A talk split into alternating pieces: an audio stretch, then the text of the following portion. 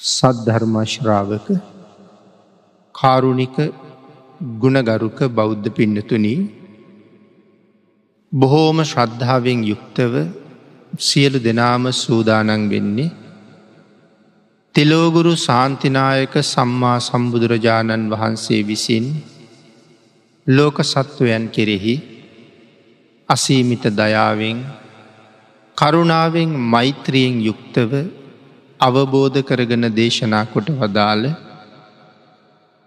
පරම ගම්බීර වූ ශ්‍රී සද්ධර්මරත්නයෙන් අබමල් රේනුවකටත් වඩා අඩු බොහෝම පුංචි කොටසක් දේශනා කරවගෙන ධර්ම ගෞරවය පෙරදැරි කරගෙන දේශනාගත ධර්මය ශ්‍රවණය කරලා එයින් ලැබෙන අවවාද අනුශාසනා තම තමන්ගේ ජීවිතවලට එකතු කරගෙන වඩාත් නිවැරදි මෙලව ජීවිතයක් සකස් කර ගණ්ඩත් ඒ තුළින් සුගතිගාමී වූ පරලොව ආයිති භවයකින් සැනසෙන්ඩත් අවසානයේ ප්‍රාර්ථනා කරන බෝධියෙන් සැප සහිත ප්‍රතිපදාවෙන් ඉතාම ඉක්මං භවයක චතුරාර්ය සත්‍ය ධර්මය අවබෝධ කරගෙන සසර කතරින් එතරවීමේ බලාපොරොත්තු ඇතුවයි ධර්මශ්‍රවනය කරන්න සූදානන් වෙන්න. පින්නතුනී ඒ උතුම් බලාපොරොත්තුව ඒ ආකාරයෙන්ම මුදුන්පත්වේවා කියලාශිරුවාද කරනවා. අද ධර්මදේශනාවේ මාතෘකාව හැටියට ධම්මපද පාලියේ සඳහන් වන තවත් උතුම් ගාථාරත්නයක් යොදාගන්න කල්පනා කළා ඒ ගාථාරත්නය තමයි යාව දේව අනනහාය ඥඥතන් බාලස්ස ජහයහයි. හන්ති බාලස්ස සුක්කන්සං මුද්ද මස්ස විපාතය. අපේ බුදුරජාණන් වහන්සේ සැවැත් නුවර වැඩඉන්න කාල. පිනතුන මහමුගලන් මහරහතන් වහන්සේයි ලක්කන මහරහතන් වහන්සේයි ගිජිකුළු පව්ව මුදුනේඉඳලා රජගහනුවරට පිණ්ඩ පාති වඩින. ඒ සඳහා කන්ද උඩින් බැහැගෙන බැහැගෙන එනකොට මහමුගලන් මහරහතන් වහන්සේට සිනහවක් පහළ වුණා. ලක්කනයන් වහන්සේ එක දැකලා රාතන් වහන්සගෙන් අහනවා ස්වාමීණී සිනහ පහල කළේ ඇයි සිනහ පහළ වෙනවා දැක්ක හේතුව මොකක්ද කියලා. සාමාන්‍යයෙන් කෙනෙක් හිනාවෙන්නේ ඇයි කියල ඇහුව අපි සමහරලාට එකට වෙනත් නොයෙක් දේවල් කියනවා. ඇයි මට හිනාවෙන්න හොඳ නැද්ද. හිනාවෙන්ඩ කාගින්වත් අහන්්ඩෝ නැද. ඒවාගේ වගේ කියන කතා සාමාන්‍ය සමාජ අපිට ඇහෙනවා. නමුත් රහතන් වහන්සේ නමක් සිනහ පහල කරනවා දැක්කහම ඒ සිනහ පහල කළේ ඇයි එලාහනවා. ඒකට හේතුව තමයි සාමාන්‍යයෙන් සිනහ පහල කරන නැති නිසා. අපි නම් දවසකට කී පාරක් සිනහ පහල කරනවා සිනහ වෙනවද. රහතන් වහසලගෙන් එහෙම දකින්නේ එහෙම දකින්නේ නෑ. ඉතා විශේෂ කාරණාවක් නිසා තමයි සිනහවක් පහළවෙන්න. සිනහව පිළිබඳවත් භාගිතුන් වහස දේශනා කරපු කරුණු තියෙනවා. එක තැනක දේශනා කරනවා දත් හොඳටම පෙන්නලා හඬ නගල සිනහ වෙනවන. එක කුමාරයන්ගේ වැඩක් කියලා. කුමාරයෝ කියල කියන්නේ එක චූටි ළමයින්ගේ වැඩ. නොතේරෙන ළමයින්ගේ වැඩක් තමයි මේ හඬනගා සිනහසවීම. තික නුවනැත්තන්ට වැඩිහිටියන්ට ගැලපෙන කාරණාවක් හැටියට භාගිතුන් වහස දේශනා කරලා නෑ. භික්‍ෂූන් වහන්සේල පිළිබඳව සඳහන් කරනකොට යම් ධර්මකාරණාවක් අවබෝධ වෙලා ඒ ධර්මකාරණාව තමහන්ට වැටහීම සම්බන්ධයෙන් තමන්ට ඇතිවුණ සතුට නිසා යන්තන් දත් පෙන්නලා හිනාවෙන්ඩි කියල කියන්නේ. යන්තමට දත් පෙන්න්න සිනහවෙන්ට. ඒ සතුට නිසා ඇතිවෙන සිනහවක්. ඉතින් එතකොට මේ වෙනම අවස්ථාවක සිනහවෙනවා දැක්කොත් ඒක ඇත්තටම අහන්ඩ වටින කරුණ. ඇයි සිනහවුනේ කියලා හන්ඩ වටිනවා. ඇති ඒක නිසා තමයි ලක්කණයන් වහන්සේ අහන්නේ ස්වාමිනි සිනහ පහල කරනවා දැක්කා හේතුවමොකක්ද කියලා. එතකොට සඳහන් කළා ආවිශ්මත් ලක්කන දැන් අපි දෙන්නම පිණ්ඩ පාති වඩින වෙලාව. ඕක අහන වෙලාව නෙමෙයි මේක. දානෙන් පස්සේ බුදුරජාණන් වහන්සේ ළඟදී ඔය ප්‍රශ්නය මගෙන් ආපහු හන්ඩ. එතකොට මං උත්තරයක් දෙන්න කිව. රජගහනුවරට පිණ්ඩ පාති වැඩල දානය වලඳල බුදුරජාණන් වහන්සේ මුණගැහෙන්ඩි ගියාට පස්සේ ටික වෙලාවක් භාගිතුන් වහන්සේ වන්දනා කරලා කතා කර කර ඉන්න ගමන් ලක්කනයන් වහන්සේ අර ප්‍රශ්නය හවා. ස්වාමීනී උදේ වඩින ගමන් ගිජ්ජකෝටේදී සිනහ පහල කළේ ඇයි කියලමං අහපු හම ඒක භාගිතුන් වහන්සේ වැඩඉන්න තැනදී හන්ඩ කියල මට කීවා. ස්වාමිනි මංගේ කාරණාව දැන් දැනගන්න කැමතිී කියලා. ඒලැව සඳහන් කළා ස්වාමීනි භාගිතුන් වහන්සේ තුංගව්වක් පමණ උස ශරීර තියෙන. ප්‍රේතයෙක් මම දැක්කා. ස්වාමීනී එවන් ප්‍රේතයෙක් කලින් දැකල තිබුණ නෑ. මේ ප්‍රේතයාගේ හිස උඩට යකඩ ගුලි එක පාර හැටදාහක් වැටෙනවා. බැටනට ඔලුව කුඩ්ඩු වෙලා යනවා. නමුත් පලවෙනි යකඩ ගුලිය වැටිල්ලා ඔලුව කුඩු වෙලා යනවා දෙවනි ගුලිය වැටෙනකොට බෙල්ල ගාවිඳලා අප ඔලුව හැදිලා ඒ ඔළුවට තමයි ආය වැටෙන්නේ. ඉති නිකං අපි කල්පනා කරලා බැලුවොත් සාමාන්‍ය ගල් කැටයක් අපි ඔලුවඩට වැටුණුත් කොහොමතියයිද. නොත් මේ ඔළුව කුඩ්ඩු වෙලා යන විදිහේ යකඩ ගුලියක් තමයි වැටෙන. ඉතින් හැටදාහක් වැටෙනවා.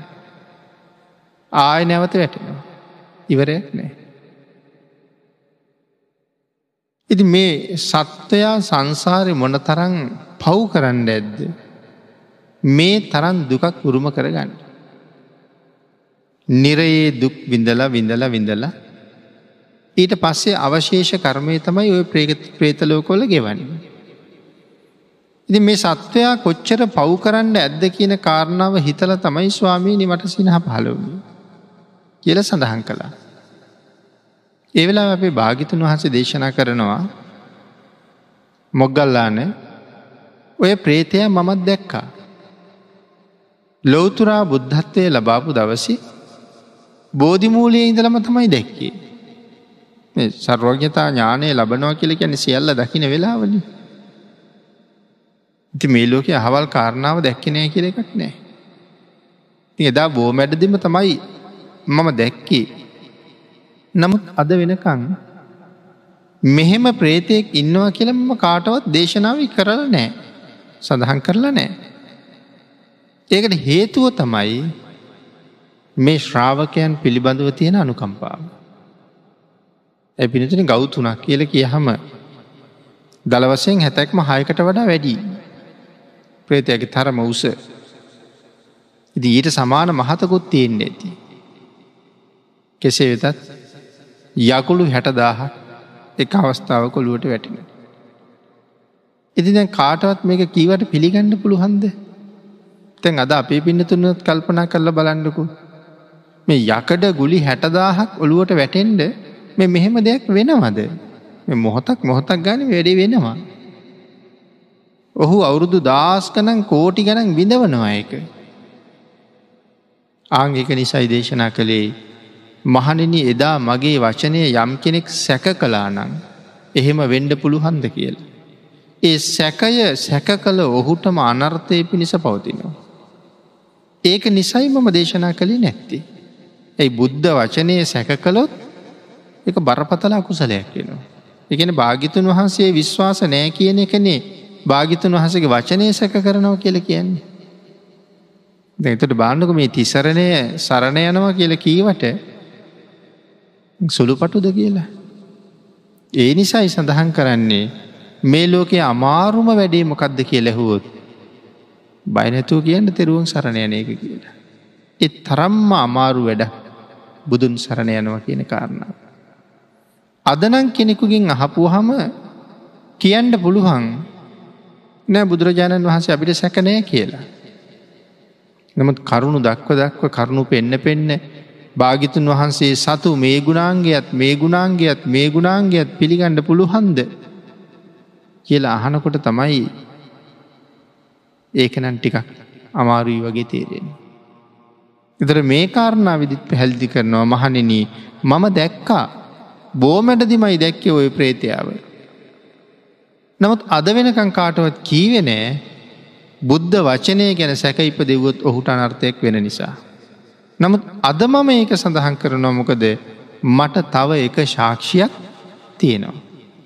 මම දැක්ක වගේම මොග්ගල්ලානයන් වහන්සේත් දැකල තියෙනවා. එඳ සාක්‍යයක් තියෙන හින්ද සඳහන් කරනවා. මේ කාරණාව භාගිතුන් වහසේ පැහැදිලි කරලා දුන්න. එතොට මේ සත්‍යයා සසර මොනවාගේ අකුසල කරම කරන්න ඇද්ද මේ තත්ත්වයට පත්වෙන්ඩ කියන කාරණාවත් භික්‍ෂූන් වහසලගේ ආරාධනාවෙන් භාගිතුන් වහස දේශනා කරනවා. මහනෙන අතීතයේ බරණශ්නුවර හිටිය මේ පාද කොරවෙච්ච කෙනෙ. එහෙමයට කැන්නේ මේ පිලු කියලා පිලෙක් කියල සඳහන් කරන්න කොර පුද්ගලයේ. මෙයා හරි දක්ෂයි මේ අතකුරු ගහනවා කියන වැඩේට හරිම දක්ෂයි. ඒ කියන මේ ගල් කැටයක් අරගෙන හරියටම ඉලක්කයට ඇගිල්ලෙන් ඒ ගල් කැට එල්ල කරනවා. එල්ල කරලා විදිනවා. අතකුරු ගැසීම කියලගෙන ඒකට. හරිම දක්සයිමි වැඩේ. මේ ගම නැතන් රජගහනුවර මේ කතාව අහනකොට භාගිතුන් වහස අතීත කතාව පැහැදිලි කරනවා එදා බරණැස් නුවර රාජ්‍යයට ඇතුල්වෙන තැන එනිසාකින නුවර දොරකඩ කියලා. තියෙනව විශාල නුග ගහ. මේ කොර පුද්ගලයා මේ නුගගහයට තම ජීවත්වෙන්නේ. ගමේ ළමයි හරි ආසයි මෙයාගේ මේ ගල් විදින වැඩේ බලන්න. එනිසා ළමයි ගිහිල්ල කියනවා මේ අපිට ගල් විදලා මේ ඇතෙකුගේ රූපයක් හදල පෙන්නන්ට. ඉතින් ළමයි කියන කියන දේවල් මේ මනුසය කරනවා. එතකොට ළමයින්ගෙන් පොඩි මුදලක් ලැබෙනවා. ළමයින්ගෙන් කෑම ටිකක් ලැබෙනවා. ළමයින්ගෙන් වතුර ටිකක් ලැබෙනවා. එක තම එයාගේ ජීවිතය ගෙවෙන හැටි. ගල් කැට ටික ගෙනහිල්ල දුන්නහම ගහේ උඩ තියෙන නුග කොළවලට හරියටම මෙයා ගල්කට එල්ල කර කර සිදුර සිදුර හැදෙන්ට විදිනවා. ඇතෙකුගේ රූපයක් වාගෙතකොට සිදුරු සිදුරු පේලියකින් අර නුග කොලේ ඇත්රූපය. අශ්වරූපය. මේවාගේ එක එක එක එක රූප. ඒ විදිහට කොලේ සිදුරු කරලා තියෙන ගලෙන් තමයි සිතුරු කරන්න. ඉති එක දවසක් බරණැස් රජ්ජුරු එනකොට ළමයි ටික ඉක්මනට මේ පුද්ගලයා උත්සලා නුගගහේ මුල් අස්සට දැම්මා. නුගගස්වලර ලොකු මුල් තියෙනවනේ ධාරධාර වගේ ඇටුවන් කිය ලපි කියන්නේ. ඒ අස්සේ දාලා රජ්ජිරුවන්ට පේ නැතුව තියල ළමයි පැල්ල දීවා. තද ග්‍රීෂ්ම වෙලාව නිසා රජ්ජුරුවත් ඇවිල්ල ගහයට නතර වුණාටික. නතර වෙලා බලහම මේ රජ්ජිරුවන්ගේ ඇඟ පුරාමර රූප සටහන් ඇත්තුන්ගේ රූප අස්වයන්ගේ රූප අර නුග කොලෝලට අව්ව වැටින හම ඒක ඒ අව්ුවෙන් ඡායාවල් ළඟට වැටිලා. රජ්ජුරු උඩ බලහම නුග කොල ඔක්කෝම හිල් කරලා. කෞුද මේ වැඩි කරන්න කියලා හපු හම ගම මිනිස්සු සඳහන් කලා ස්වාමීනි මේ පිලෙක්ක ඉන්නවා. එයා තමයි ඔය වැඩේ කරන්නේ හරිම දක්ෂයි ගල් විදින්ට කියලා. රජ්ජුරු කල්පනා කලා මටත් තියෙනවා ලොකු කරදරයක්. මේ පුද්ගලයා ලව්වා ඒ කරදරේ නැති කරගන්න එනම් පුළුවන්. ම මුණ ගැහෙන්ඩ එක්කෙන්ට කියලා මාලිගාවට ගෙන්න්නගෙන ොට සඳහන් කතාව කීවා තමන්ට තියෙන කරදරී. මොද රජ්ජරුවන්ගේ පුරෝහිත බ්‍රහ්මණය හරීයට කියවන එක්කෙනෙ. රජ්ජරු කියන මං වචන දෙකතුනක් කියනකට මොහු වජන පහළුවක් විස්සක් කියන්නේ. ඉති මට මේක පුද්දුම කරදරයක් වෙලා තියෙන. එක නවත්තන්න ඕන කියලා අර ගල් විදින එක්කෙනට කිව්ව පුළු හන්ද. මම ගෙනල්ල දෙන්නම් එළුවෝ පහරපු වසුරු අපි ගැන එළුබෙටි කියලා මං ගෙනල්ල දෙන්න නැලියක් විතර. මගේ පුරෝහිත බ්‍රහ්මණය මාත්‍යක කටාවට වැටුණ හම එයින් එක එක මෙයාගේ කට ඇතුළට විදිින්ඩ ඕනේ. මහරජ ඕක සුළු වැඩ කියල සඳහන් කළා. ඇ තිරයක් ඇදලා පුරෝහිත බ්‍රහ්මණයයි රජ්ජරුයි තිරෙන් එහා පැත්තේ ඉන්නවා මෙයා කතුරක් අරගෙන පොඩි කවුලුවක් කර තිරේ කපල තියෙනවා රජ්ජරුව කතා කරනකට බ්‍රහ්මණය වැඩියෙන් කියවනවා කට අරින වාරයක් වාරයක් ගානේ අර ගල් කැටයක් වගේ එළු වසුරු පිඩක් අරගෙන කෙලින්ම කටට විදිනවා. කතාවට ලෝබ නිසා මේ මනුෂයා ඒක මොකක්ද කියල බලන්නේ ඒක ගිලල කතා කරනවා. දැඟින් නැලියම ඉවරයි. ඊට පස්සේ පිලා එහා පැත්තේදලා තිරේ හොලෝනෝ. ඊටවස රජ්ජුරු දැනගත්ත දැන් භාජනය ඉවර වෙලා තියෙන්නේ. ඊට වස පුරෝහිතට ඉව පුරෝහිත. උඹේ වාචාලකම ඉවරයක් නෑ. කොච්චරද කියල කිවොත් තැන් එළුබෙටි නැලියක්ම ඔබ ගිලල ඉවර කෙරවා. කීවට පස්සේ එදා ඉඳලා කවදාවත් රජ්ජුරුත් එක කතාවටාව නෑ. කතා කලාට අනවශ්‍ය විදියට කතා කරන්නේ නෑ. ඉති මෙයාගේ දක්ෂතාවේ නිසා රජ්ජුරුවන්ට තිබ කරදරින් රජ්ජුරු මැගෑරිය. ඒහින්ද රජ්ජුරු මේ පුද්ගලයට එදිනෙදා පැවැත්ම සඳහා. අවශ්‍ය හැම දෙයක්ම අටාට අටාට දුන්නා. හැම දෙයක්ම අටාට දුන්නා. සරං දුන්නොත් සරං අටයි කමිෂ දුන්නොත් කමිසාටයි මාල දුන්නොත් මාලාටයි මේවාගේ දෙන හැම එකෙන්ම සබ්බට්ටක කියල දානයක් දුන්න. ද සම්පත් ගොඩාක් කම්බුණා. ඔය සිද්ධිය දැකලා බරණශ්නුවර තවපුද්ගලයෙක් කල්පනා කළා මේ ඥානයේ නැතම් මේ ශාස්ත්‍රය ඉගෙන ගත්තොත් මටත් මේ වගේ තෑගි ලබන්න පුළුවන් වෙයි කියලා. ඉතින් ගිහිල්ල කතා කරලා කීවා ආචාරිතුමනි මටත් උගන්නන්න බැරිද අතකුරු ගහන වැඩි. ඉටසිකිව බෑ කියලා. බෑකිවට මෙයා යන්නේ නෑ උයල දෙනවා වතුර ගෙනල්ල දෙනවා රෙදි හෝදලා දෙනවා බැල මෙහෙවරකං කර කර ළඟ ඉන්නවා. එහෙම තවත් කාලයක් ඉඳල කියන අනේ මටත් උගන්නන්න බැරිද. ඉති බෑ කියන්නත් බෑ තමන්ගේ වැඩටික ඔක්කොම කරලා දෙනවා. හා ඉතින් කමක් නෑ කියල ඉගෙන්නවා. උගන්නල ඇහුවා දැන් ඔබ කොහොම දොයි ශිල්ප පරීක්ෂා කරන්නේ. ඊටවස දැන් ශිෂ්‍යයා කියනවා කවුරු හරි ගවයෙක් හරි මිනිහෙක් හරි ඉලක්ක කරලා මම ශිල්ප පරීක්ෂා කරනවා. එකන අනිවාරයෙන් මැරෙනවයි පුද්ගලය අදහන් කලා එපා. අනුන්ගේ අයිති ගවයෙක් මැරුවොත් ඒකටත් වැඩගහනවා. මිනිහෙක් මැරුවොත් ඒකටත් ගවයෙක් මැරුවොත් දහස් සීයක් දරගහනෝ මිනිහෙක් මැරුවොත් දහසක් දරගහන. ඔය වැඩ දෙකම කරන්න පමට ගෙවන්න බෑගල කිව. ඉරස කල්පනා කලා කාත් කවුරුවත් නැති කෙනෙක් හොයා ගන්නවා කියලා. දැ මෙය පිටත් වෙලා යනවා ශිල්ප පරීක්ෂා කරන්නට. එල දෙනෙකුත් නං හිටිය කල්පනා කලා එල දෙනට අයිතිකාරයෙක් ඇති. තව ටිකක් යනකොට පසේ බුදුරජාණන් වහසනමක් පින්ඩ පාති වඩිනවා. මොහු කල්පනා කළා මොහුට නං කාත් කවුරුවත් නෑ. මැරුණ කියලා අඩන්ඩ කෙනෙකුත් නෑ. මගේ ශිල්ප පරීක්ෂා කරන්න හොඳම තැන තමයි මී එල භාගිතන් වහස පින්ඩ පාති වඩින ගල් කැටයක් කරගෙන ඇගිල්ලෙන් විද්ද දකුණු කම්බිලිට කනේ සිදුරට තමයි විද්දී. දකුණු කන් සිදුරෙන් ඇතුළ වෙලා වංකං සිදුරින් පිට වෙලා ගිය. දරාගණ්ඩ බැරිතරං වේදනාවක් ඇති වුණ පසේ බුදුරජාණන් වහස අහසට පැන නැගල පන්සලට වැඩල පිරිනුවම් පෑව. ඉති ගමේ මිනිස්සු බැලුවා පින්ඩ පාති වැඩීනේ. ඉති මෙහම බලා පින්ඩ පාති වඩින්නෑ වෙනද වගේ. කරදරයක්පත් වෙලාද යම්මු බලන්ඩ කියල ගිහිලි බලම් පිරිනුවම් පාල. ඒ පිරිසත් එක්ක මේ පුද්ගලයත් ගිය. පිරිනුවම් පාලා ඉන්නවා දැකලා දැක්ක ගමකිවා මේ හාමුදුරු ඉලක්ක කරලන මම ශිල්ප පරීක්ෂා කළි කියල කීවා. මිනිස්සුන්ට හොඳටම තරහගිය. එහින්ද ඇදලා අරගෙන මැරණකම්ම ගැහුවා. මරලා දෙම්මට පස්සේ ඔහු ගිහිල්ලා නිරේ උපත්තිය ලැබවා. අති දීර්ඝ කාලයක් නිරාදුක්කින්ද.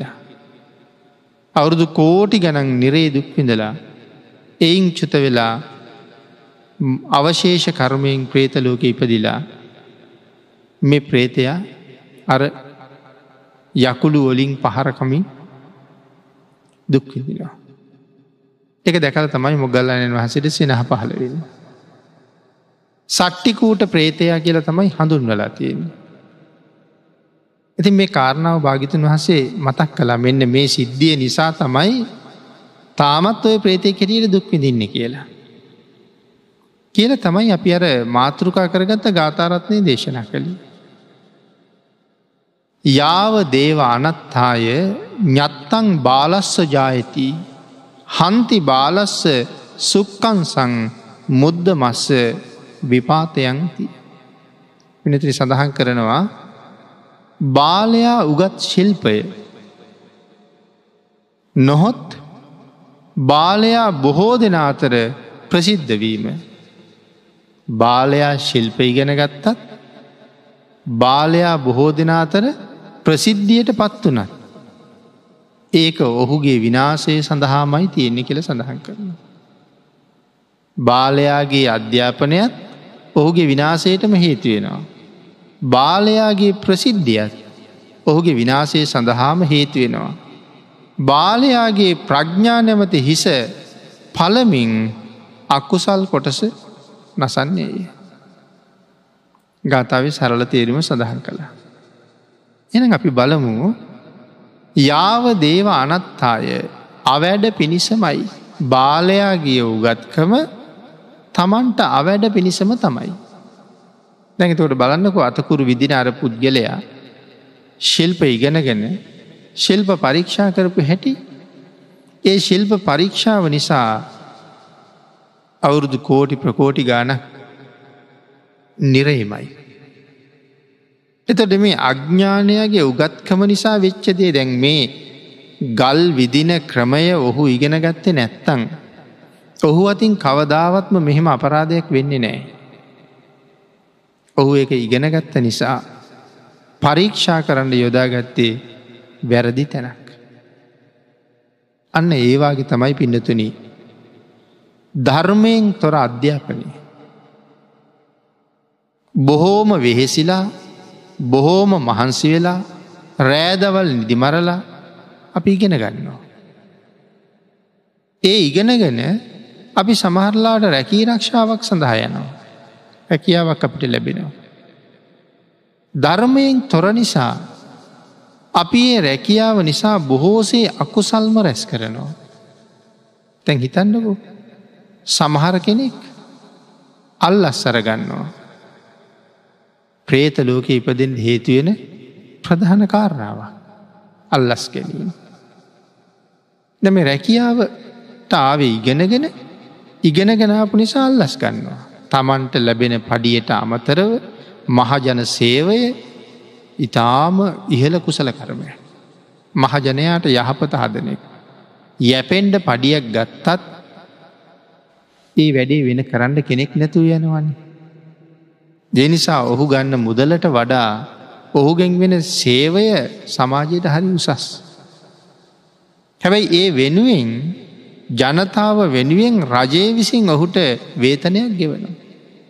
දොට අහිංසක මිනිස්සුන්ගේ කාර්ය කරලා දෙන්න තමයි ඒ වැටප ගෙවන්න. නමුත් ඒ වෙනුවෙන් නැවත ඒ මිනිස්සුත් නොයෙක් වර රස්තියාදු කරමින් ඒ මිනිස්සුන්ගෙනුත් කීයක් හරි ගනිමින් මනං ඒ කාර්ය කෙරෙන්නේ එක ඉතාමා කුසල් සහගතයි. අපි ඒවර්තම අල්ලස් ගන්නවා කියල කියන්නේ. තොට ඉගෙනගෙන එතෙන්ට ගිහිල්ල ප්‍රේතලෝ කියන්න වැඩ කරනවා. තව සමහරලාට උගත්කම නිසා ඔය නොයෙක් අපි කියන්නේ කොන්ත්‍රාක් වැඩවාගේ කරන්න ගිය හම. එවන් මුදල් බොහෝසේ ගසා කනවා. පාලමක් හදන්න මුදල් දුන්නාම සමහර කෙනෙක් පාලම ඉතාම බාල විදිහට තනලා වැඩි මුදලක් තමන් ඉතුරු කරගෙන. මහජන සේවය දුරුවල විදිහට සිද්ධ වෙලා. පාරහදන්ඩ දුන්නහම් වැවහදන්ඩ දුන්නහම බෝක්කෝ හදන්ඩ දුන්නහම ඒ වගේ තමන් අයහපතක් තමයි කරගෙන තියෙන්නේ. සේවය කරලා නෑ. කළත් ඒක පවතින විදිහට සිද්ධ වෙලා නෑ. නමුත් තමන් යැපිල තියෙනවා. බැති ඒ මුදලින් දරුවන්ට දුන්නොත් මව්පියන්ට දුන්නොත් බිරිඳට දුන්නොත් මේ හැම ක්‍රියාවකටම යන්නේ අර අයහපත් විදිහට හම්බ කරපු ධනය. අපි ගින්දර ටිකක් අරගෙන ඒ ගින්දර කාට දුන්නත් ගත්ත ගත්ත කෙන පිච්චෙනවා. ඒවගේතම අපි අයහපත් විදියට හම්බ කරන ධනය පරිහරණය කරනකොට අන්න අයටත් ඒකේ බලපෑම විපාකයක් තියෙනවා. එනතින ඒ විදිහට මේ සමාජ හැසිරීම පැවැත්ම ගැන කල්පනා කරලා බලහම තමන් බොහොම මහන්සි වෙලා මහන්සි වෙලා නිදිමරලා ඉගෙනගෙන රැකියාවක් හොයාගෙන තියෙන්නේ. තමන්ගේ මෙලව ජීවිතයේ සුවපත් කරගෙන යුතුකං ටික සම්පූර්ණ කරලා දීලා කුසල් දහම් රැස් කරගෙන සුගතියට පාරහදා ගනිමින් මෙලව ජීවත් වෙන තුරු අනුන්ට අතපාන් නැතුව ජීවත්වමින් කටයුතු කරන්න විතරක් නෙමෙයි අපි ඒ ඥානය ලබල තියෙන්නේ නොයෙක් නොකටයුතුකංවල යෙදීදී නිරය ලෝකවල ප්‍රේතලෝකොල යන්ඩ පරහදා ගණ්ඩයි. එතොට මේ රෑතිස්සේ නිදිමරමර මහන්සේලා තියෙන මොකටද ප්‍රේතලෝකෙටයි නිරේටයි යන්ඩ පාරහදන්ට. ආං ඒකයි සඳහන් කළේ බාලයාගේ උගත්කම ඔහුට හානියක් කරන. පිනතින එතකොට තව හිතල බලන්ඩකෝ. සංසාරයේ ලැබුවනන් ප්‍රඥාවක් ඒ ප්‍රඥාවත් අපිට ලැබුණේ හැබෑවටම මේ බුද්ධ ශාසනය නිසා.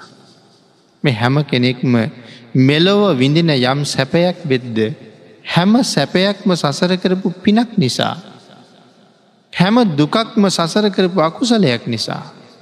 පින් කරන හැටි අපිට කියල දුන්නේ භාගිතුන් වහස විතරයි. නිවැරදිව පින් කරන හැටි කියල දුන්නේ. දස දානවස්තුවක් දේශනා කරන මේ දස දානවස්තුව මනාව සම්පූර්ණ කරගන්න කියල දේශනා කළා. එතකොට සසර නිවන් දකිනතුරු. උපදින උපදින ආත්මවල අහවල් දේ අඩුපාඩු නිසා අපිට දුකයි කියලා කියන්න දෙයක් නැති තරං බවබෝග සම්පත් ලැබෙනවා. තිසරණයි පන්සිලු ආරක්ෂා කරගන්න නිසා උපදින තැන සුගතියක් බවට පත්වෙනවා. එතකොට මේ දස දාන වස්තුූ සම්පූර්ණ කරගෙන යනකොට එක එක දේවල් ප්‍රඥාවල් කාය බලය ශරීර පෙනුම හමේ වර්ණය රුව ලස්සන මේ දේවලුත් මේත් එක්කම ලැබෙනවා. එතකොට අපි ලබාගත්ත ප්‍රඥාව අපි වැරදි දේටනම් පාවිච්චි කරන්නේ දැන් අපේ එදන්නවා සුවඳ පූජාව ප්‍රඥාව ලබන්ඩ තියෙන හොඳ පූජාව. මළු පෙත්මං ඇමදීම ප්‍රඥාව ලබන්න හොඳ හේතු සාධකය. තවත් නොයෙක් පින්කං කරලා ප්‍රාර්ථනා කරනවනං ඒ අනිවාරයෙන් විපාක දෙනවා. එතකොට හිතල බාණ්ඩකු පින්නතිනේ තුවක්කුව හදපු කෙනා. කිලෝ හතරක් පහක් බරතියෙන පොඩි උපකරණය. නමුත් ක්‍රියාත්මක කරහම සමහට මීටර හාරසීය පන්සීය ඇත ඉන්න පුද්ගලයක්ගේ ජීවිතය නැති කරන්න තර ශරීරයේ මේ පැත්තෙන් වැදුන හම එහා පැත්තෙන් සිදුරු කරගෙන මතුවෙන්ට තර ලොකු ජවයක් තියෙන පොඩි උන්ඩයක් ඒකින් පිට කරන. නමුත් මීට හාර පන්සීයක් ගියත් ජවය අඩු වෙලා නෑ මෙහෙන් වැදුන හම එහා පැත්තෙන් ලොකු කෑල්ලක් කරගෙන පිට වෙලා යනවා. නමුත් මේ පොඩි ඉඩ තුළ තමයි මේ ක්‍රියාත්මක වීම කරන්න. නමුත් මේක මුලින් හිතපු පුද්ගලයා මොන නුවනකින් සැලසුම් කරන්න ඇද්ද කියලා හිතන්නක. එතට සමහර වෙඩි උන්ඩ තියෙනවා සැතපුම් ගණන් ඈත බේගේ බාලන වී ගමන් කරනවා. එතකොට මේ තියෙන්නේ මේවට කියන ප්‍රඥාව කියලා නෙමෙයි ඒවට ගැන සූරකං කියලා සූරකමක් ත බීරකම ප්‍රඥාව කියන්නේ ශාසනී තියන උසස් නම. නමුත් මෙහෙම හිතන්ඩ පුළුවන් වෙච්චාය මේ හිතීමේ ශක්තිය සසර නිරේට යන්නමනි යොදාගතිය. වැරදි වෙළඳම් පහක් භාගිතුන් වහසේ පෙන්නෙනකොට අවිආයුධ වෙළදාම ගැනත් සඳහන් කරලා තියෙනවා. ඒ ඇන මේ කැති උදලු පිහි අමන්න විකුණන් එපා කියලා නෙමේ තියෙන්නේ. අනුන්ගේ ජීවිත විනාශ කිරීම සඳහා යදන උපකරන. කැත්තෙනුත් ඒ වැඩි කරන්න පුළුවන් එනට කැත්ත හදල තියෙන මිනිස්සු පරන්න නෙමෙයින්නේ. නමුත් පිස්තෝලයක් තුවක්කුවක් බෝම්භයක් හැදිය කෙලින්ම සත්ව ගහතනය උදෙසාමයි. එතට ඒක භාගිතන් වහසේ තහනන් කරපු දෙයක්. එතකොට එහෙම දේවල් නිෂ්පාදනය කිරීම ලෝක සත්වයාගේ අයහපතර හේතුවෙන්නේ. එහෙනම් කරුම රැස් කර ගන්නවා මේ කාරණාවත් එක්. ඇයි ඔහුත් සැලසුම් කරලාන හදන්නේ මේක මෙච්චර දුර ගමන් කරන්න ඕනේ මේ තරං වේගයක් තියෙන්ඩ ඕනේ ප්‍රාණගහතය සඳහා මහදපු දේවල්. ඒවාගේ තමන්ගේ විශිෂ්ට හැකියාවන් යොදාගෙන තියනෙත් නිරේටයන්. දැම් බානක එච්චර හිතන්ඩ ශක්තියක් තිබිච්ච අය මේ සංසාරයේ දුක කෙරවල කරන පැත්ත කල්පනා කරා නං ඒ අයට ශාසනය ඇතුළි කොච්චර ලොකු ගමනක් යන්න පුළුවන්ද කියලා. ආගේ නිසා අනුන්ගේ ජීවිත විනාස කරන්න අනුන්ගේ ජීවිත අඳුරු කරන්න ලෝක සත්වයන්ගේ ජීවිතවලට නොෙක් කෙනෙහෙලිකං කරන්න අපි ලබාගත්ත ප්‍රඥාව අපි ලබාගත්ත උගත්කම තමන්ටවත් හිත පිණිස වෙන්නේ. ඊළඟට සඳහන් කලා පින්නතිනේ බාලයාගේ ශිල්ප ශාස්ත්‍ර ඥානයත් ධනධාන්‍යාදී ආශ්චර්යත්. එතකොට ධනය ගොඩක් ලැබෙන්ට පටන් ගත්ත හම. අඥ්ඥානයකුට ධනය ලැබෙන්ඩ ගත්ත හම ඔහු ඒ ධනය නිසා මොනවද කරන්නේ. අකුසල්මයි කරන්න. ඒ ධනය නිසා අකුසල් කරන්න.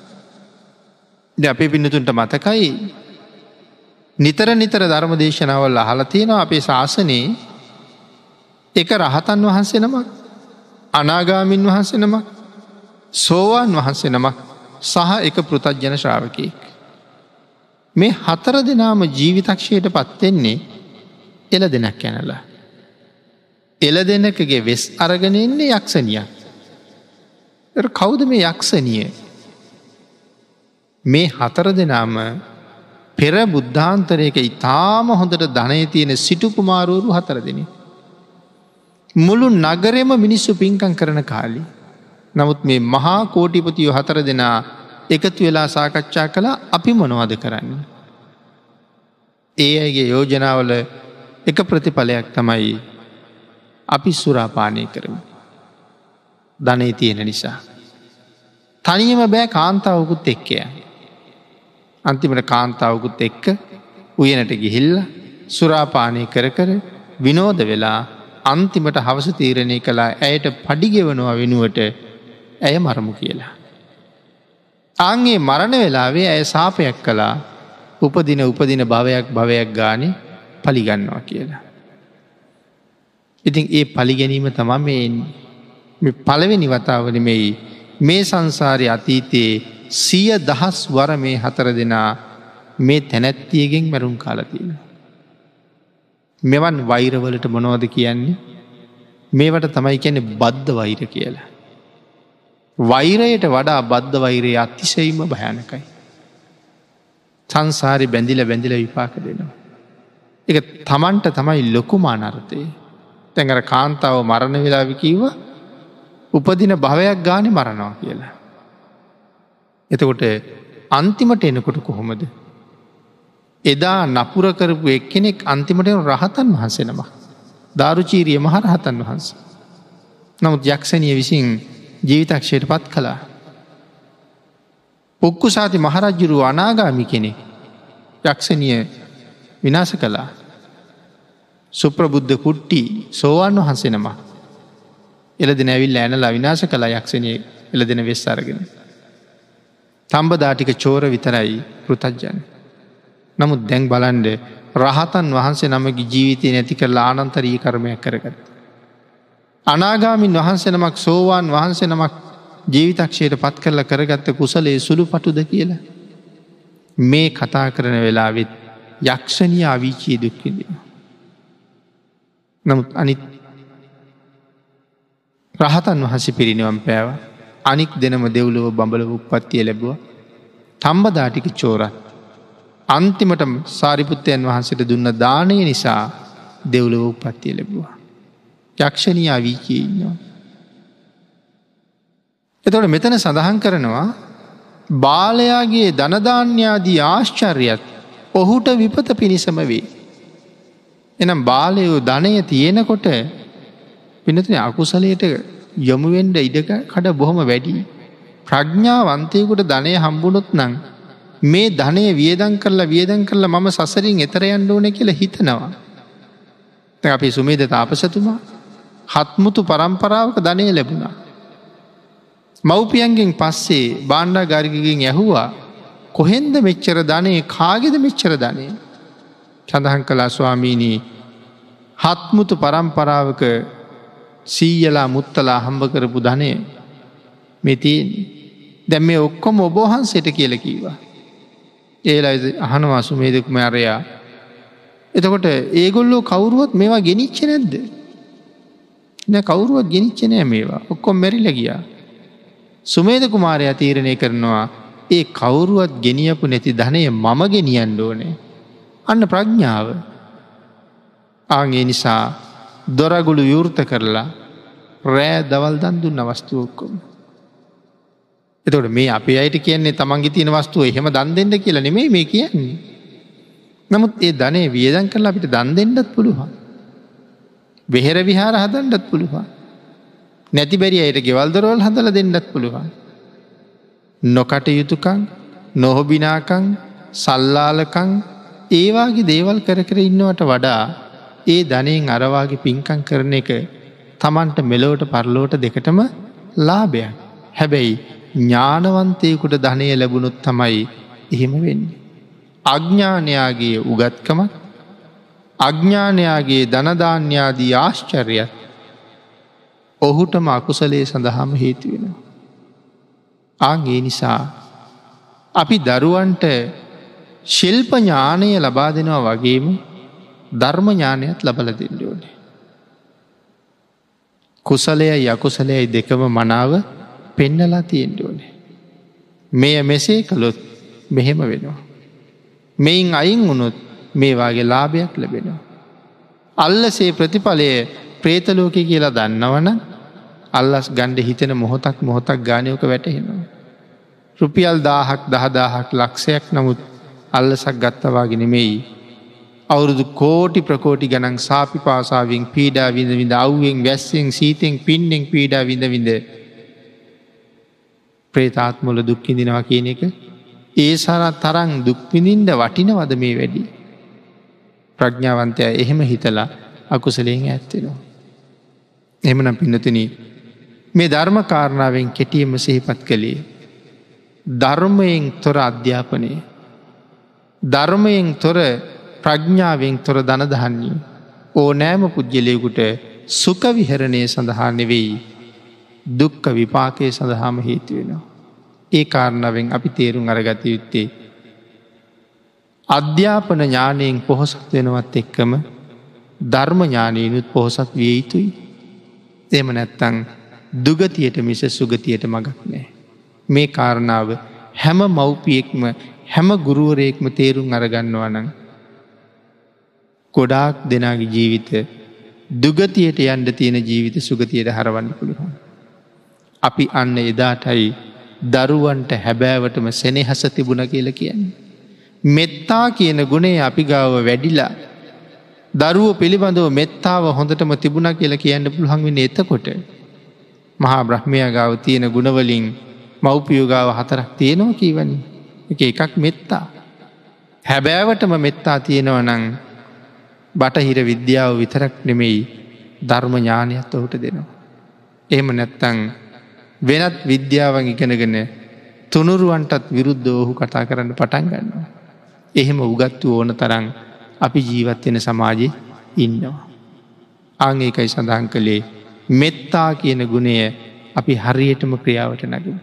එදාට බොහෝ දෙනෙක් දුගතිය වෙනුවට සුගතියට ගමක් කරනවා. එතින්ට කටයුතු කරන්න ධර්මශ්‍රවනය කරන ලක්වැසි ලෝවැසි සියරු දෙනාටම ප්‍රඥාව පහළවේවා කියලා ආශිරවාද කරනවා.